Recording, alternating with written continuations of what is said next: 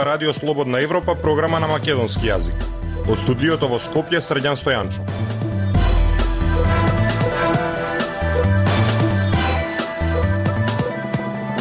Ја слушате емисијата на Радио Слободна Европа, почитувани. Во неа објавуваме. Македонија плаќа огромни камати за високата задолженост. Бранот по скапувања ќе се одрази и на зимските туристички аранжмани. Дали Битола конечно ќе добие парно грејење од рек? Slušajte me. Naši ekonomski problemi. Nije razgovarame za rešenija. Na radio Slobodna Evropa. Јавниот долг е скоро 7 милиарди евра, односно околу 60% од бруто домашниот производ. Тоа значи дека секој македонски граѓанин државата го задолжила во просек по 3.500 евра.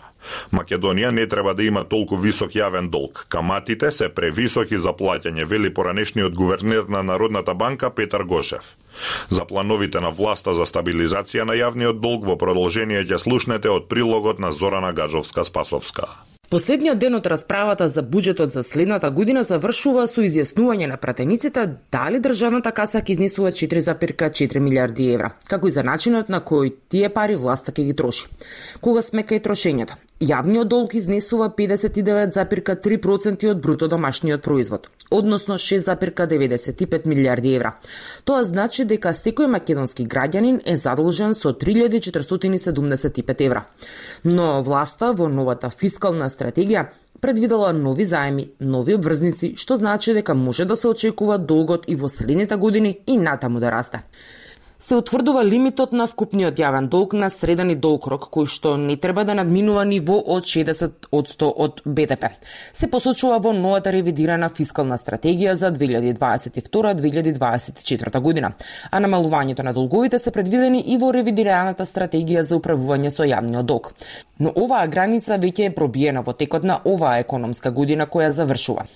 Тоа не е висина на долг кој Македонија треба да го има. Трошоците за него се превисоки, вели поранешниот гувернер Петар Гошев. А висина на долг исто така не остава простор за било каква фискална интервенција во услови на екстерни или интерни шокови. И сега за натамошни посериозни интервенции доколку не дај Боже затреба, владата веќе нема простор за посериозна интервенција да амортизира шокови. Во наредниот период земјава ќе се соочи со големи економски предизвици. Особено што по здравствената криза која остави економски последици, земјава ја зафати и енергетска криза. Гошев објаснува дека задолженоста од 60% од БДП е висина на долг која е далеко од капацитетот на македонската економија, но и од економскиот капацитет на граѓаните. Бидејќи тие во крајна линија го, го плаќаат тоа. Не го плаќаат функционерите кои што го произведуваат јавниот долг. Според Гошев во изминатава година имаше објективни причини за зголемување на јавниот долг поради силниот пат на економските активности. Но проблемот е во тоа што и во предходните десетина години висината на јавниот долг постојано растеше поради неодговорното однесување на политичарите, вели тој. Постојано парадите за економските успеси на владите, за изградба на некакви проекти за доделување на средства на одредени социјални групи, кои што особено се случуваат во предизборни периоди, е натовар на јавниот долг. Власта, според стратегијата за управување со јавниот долг објавена на страната на Министерството за финансии, смета дека задолженоста на државата ќе биде под контрола, на одржливо ниво. Движењето на јавниот долг на среден рок ќе бележи умерен раст до 2023 година како резултат на последиците од кризата, а потоа во периодот по 2024 година преку мерките на фискалната консолидација се очекува намалување на нивото на долгот, се наведува во стратегијата за управување со јавниот долг. Слободна Европа. Следете на на Facebook, Twitter и YouTube.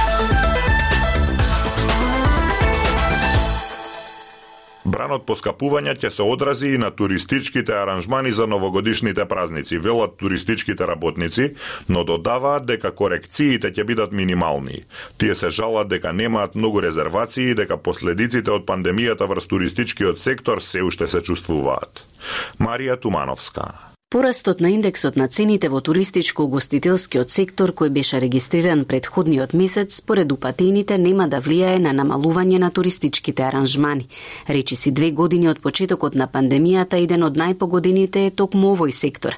Председателот на Асоциацијата на хотелиери Крсте Блажевски вели дека корекција на цените на туристичките аранжмани ќе има поради тековниот бран поскапување, но дека таа корекција ќе биде минимална. Значи не може да нема корекција на цените цените, но да, таа корекција е најминимална во однос на барем сега за нова година. Јас корекцијата мислам дека тука ќе почне после март април месец каде што ќе се искоригираат цените кога ќе почне нели таа да кажам средна сезона. Сега сме во ниска сезона. Средната сезона, а поготово за високата сезона во јули август, затоа што до тогаш не знаеме до каде ќе одат цените. Хотелските работници од Охридско-Струшкиот регион велат дека во моментов работат со мал капацитет, а интересот од страна на граѓаните е многу мал. Во моментот е мала интерес има само заради пандемијата. Цените се сосема коректни во за новогодишниве празници. Имаше некој минимално поскапување минатиот месец, Семинарите ги немаме во овој период што ги имавме,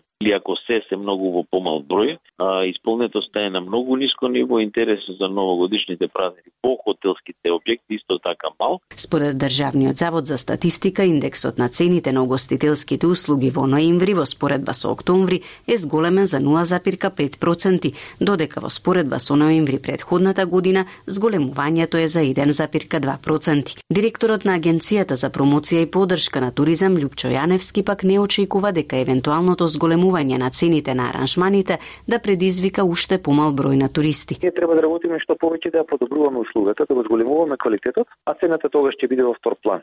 На таков начин, според мене, мислам дека повторно ќе имаме туристи, туристи кои што може би малце повеќе ќе прснат во својот джеп, но дека ќе бидат задоволни од тоа што ќе го платат за цената која што ќе биде на крајот испорачена. И според тоа, мислам дека со зголемување на одреден број на цени нема многу да, да влие туристичко-угостителскиот сектор. Јаневски посочува дека во 2021 година во државата се бележи зголемување на бројката на туристи за 40 до 50 проценти, а надежите се дека годината ќе се заврши со 2,2 милиони ноќевања. Во меѓувреме, угостителските објекти работат според пропишаните протоколи за заштита од COVID-19. Дел од угостителите се жалат дека немаат исплатливост во работењето со намален капацитет. Од Агенцијата за поддршка и промоција на туризмот велат дека е потешко да се привлечат туристи во специфични пандемиски услови, но дека продолжува кампањата за привлекување странски туристи, која ја истакнува безбедноста на земјата како најважен услов во одлуката на туристите да дојдат во Македонија. Радио Слободна Европа, светот на Македонија. Од почетокот на градењето на рек Битола пред 40 години се најавувало дека градот ќе се грее на парно од комбинатот. Во изминатите 15 години различни партии најавуваат дека проектот само што не се реализирал, но дури сега започна пробивањето на трасата за изградбата на топловод.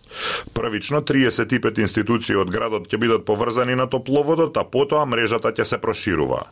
Од Битола се јавува Жанета Здравковска. 40 години од отварањето на рек Битола, битолчани живеат со идејата дека градот ќе се затоплува со топлинска енергија од комбинатот. Дури деновиве започна пробивањето на трасата за изградба на топловод при крајот на работниот век на рек. Од раководството на ЕСМ велат дека и кога рек нема да произведува струја на јаглен, односно првиот блок ќе биде исклучен до 2024 година, тој ќе биде заменет со когенеративна гасна електрана за производство на електрична енергија и за топлификација газификација на Битола. Битолчани се надеваат дека проектот ќе се реализира до крај, зашто деценија и половина се најавува од различни политички партии. То поскоро да се постави топловодо од рек за Битола. Одамнешна желба е на битолчани, уште ко се градеше рек, да се напре топлификација. Луѓето нема да се да се греат на дрва, да се загадува воздухо. Сега најважно е проектот да се реализира до крај, значи да се заврши и да се реализира со најавената брзина. Да нема забавување. Во изминатите години имаше обиди за топлификација на Битола, но безуспешни. Пред децени и половина тогашната локална власт предводена од ВМРО ДПМН го раскопа булеварот во Битола, постави цевки и проектот заврши. Подоцна во времето на Никола Груевски беше извршена реконструкција на турбините на двата термоблока за регулирано одземање на парејата и проектот пак запре. Сега пробивањето на трасата го прави сегашното раководство на ЕСАМА, на чие чело се кадри на СДСМА. Директорот на СМ Васко Ковачевски образложи зошто проектот беше запрен. Така како што беше смислен и поставен од страна на претходната власт, тој беше економски неисплатлив и еколошки неприфатлив.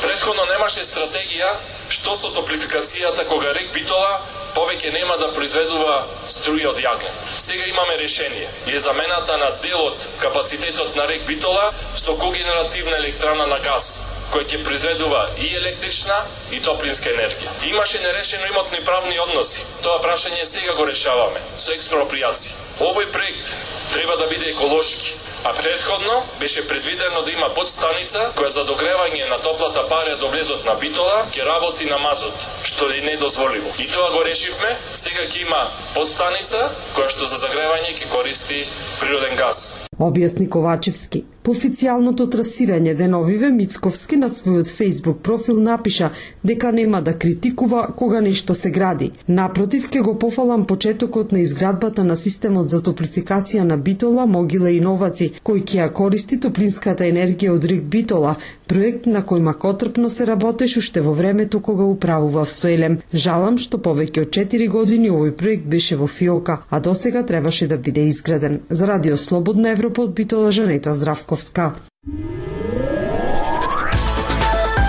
Актуелности свет на Радио Слободна Европа. Распоредувањето на руската војска во близина на Украина ги зголеми стравувањата дека Москва може да го нападне незиниот сосед. Тензиите доаѓаат во време на најстудени односи меѓу Русија и НАТО, кои некогаш беа толку топли што Путин ја покрена можноста Русија да и се приклучи на алијансата. Гоце Атанасов. Со деценија во текот на студената војна, Советскиот сојуз и неговите сојузници од Варшавскиот пакт во Централна и Источна Европа беа заглавени во тензичен судир со НАТО. Таа конфронтација се намали во 80-тите години од минатиот век кога советскиот лидер Михаил Горбачов почна да го реформира Советскиот сојуз и ги охрабри демократските реформи во земјите од источниот блок.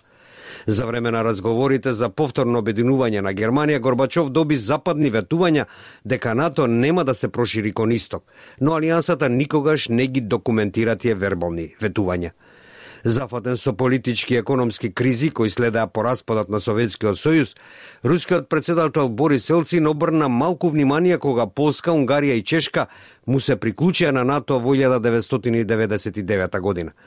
Откако Путин го наследи Елцин во 2000 година, тој брзо се придвижи кон зајакнување на односите со Западот, дури и тестирајќи ги основите со цел Русија евентуално да му се приклучи на НАТО. Лорд Џорџ Робертсон, кој беше генерален секретар на НАТО до 2004 година, неодамна се присети дека Путин го прашал кога алијансата ќе ја покани Русија и како бил навреден кога Робертсон одговорил дека Москва ќе мора да аплицира за членство, исто како и секој друг кандидат. Врските меѓу Русија и НАТО почнаа да се влошуваат во 2002 година, откако Вашингтон се откаже од договорот од времето на студената војна, со кој се забрануваат одбрамбени балистички ракети, потек што Москва го сметаше за потенцијална закана за незиното нуклеарно одвраќање. Русија уште повеќе негодуваше кога Бугарија, Романија, Словачка, Словенија и поранешните советски републики, Естонија, Летонија и Литванија му се приклучија на НАТО во 2004 година. Русија бурно се пожали кога НАТО им вети членство на Украина и на Грузија на самитот во Букурешт во Романија во април 2008 гледајќи го тоа како удар врз незините витални безбедносни интереси. Тензиите се зголемија минатиот месец поради зголемувањето на руските војници во близина на Украина. Путин негира дека планирал некаков напад, но бара ветување од Западот дека НАТО нема да ја вклучи Украина во алијансата или да распореди своји сили таму – проширување што тој го опише како црвена линија за Москва. Ја слушавте емисијата на Радио Слободна Европа на македонски јазик. Со вас беа продуцентот Дејан Балаловски и Средјан Стојанчо. До слушање.